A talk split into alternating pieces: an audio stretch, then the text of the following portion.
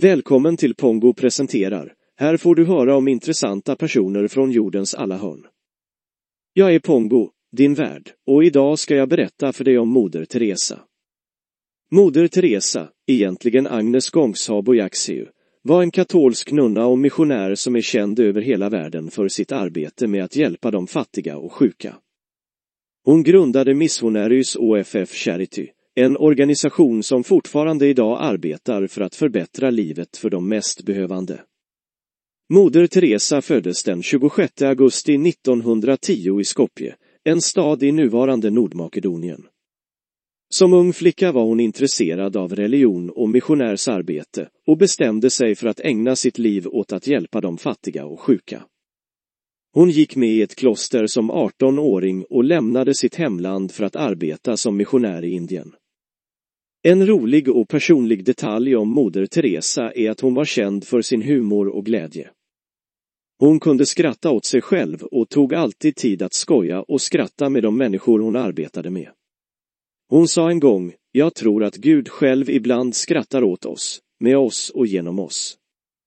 Moder Teresa ägnade sitt liv åt att hjälpa de mest utsatta och behövande. Hon arbetade i Indien i över 45 år och grundade Missionarius OFF Charity år 1950. Organisationen har idag över 4 500 medlemmar som arbetar i över 130 länder runt om i världen. Moder Teresa fick många utmärkelser under sitt liv, inklusive Nobelpriset i fred år 1979.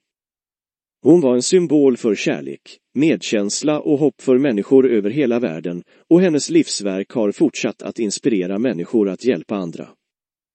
Moder Teresa dog den 5 september 1997 i Calcutta, Indien. Hennes död sörjdes av människor över hela världen och hon begravdes med statlig heder i Calcutta. Sammanfattningsvis var Moder Teresa en av de mest inflytelserika och respekterade personerna i världen.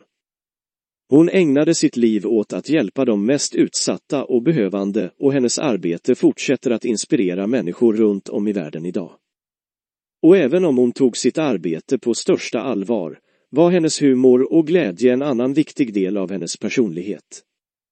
Tack för att du har lyssnat. I nästa avsnitt kommer jag presentera Marie Curie. Du kan även lyssna på mig i podcasten Pongo förklarar eller följa med mig ut på resa i Pongo Resor.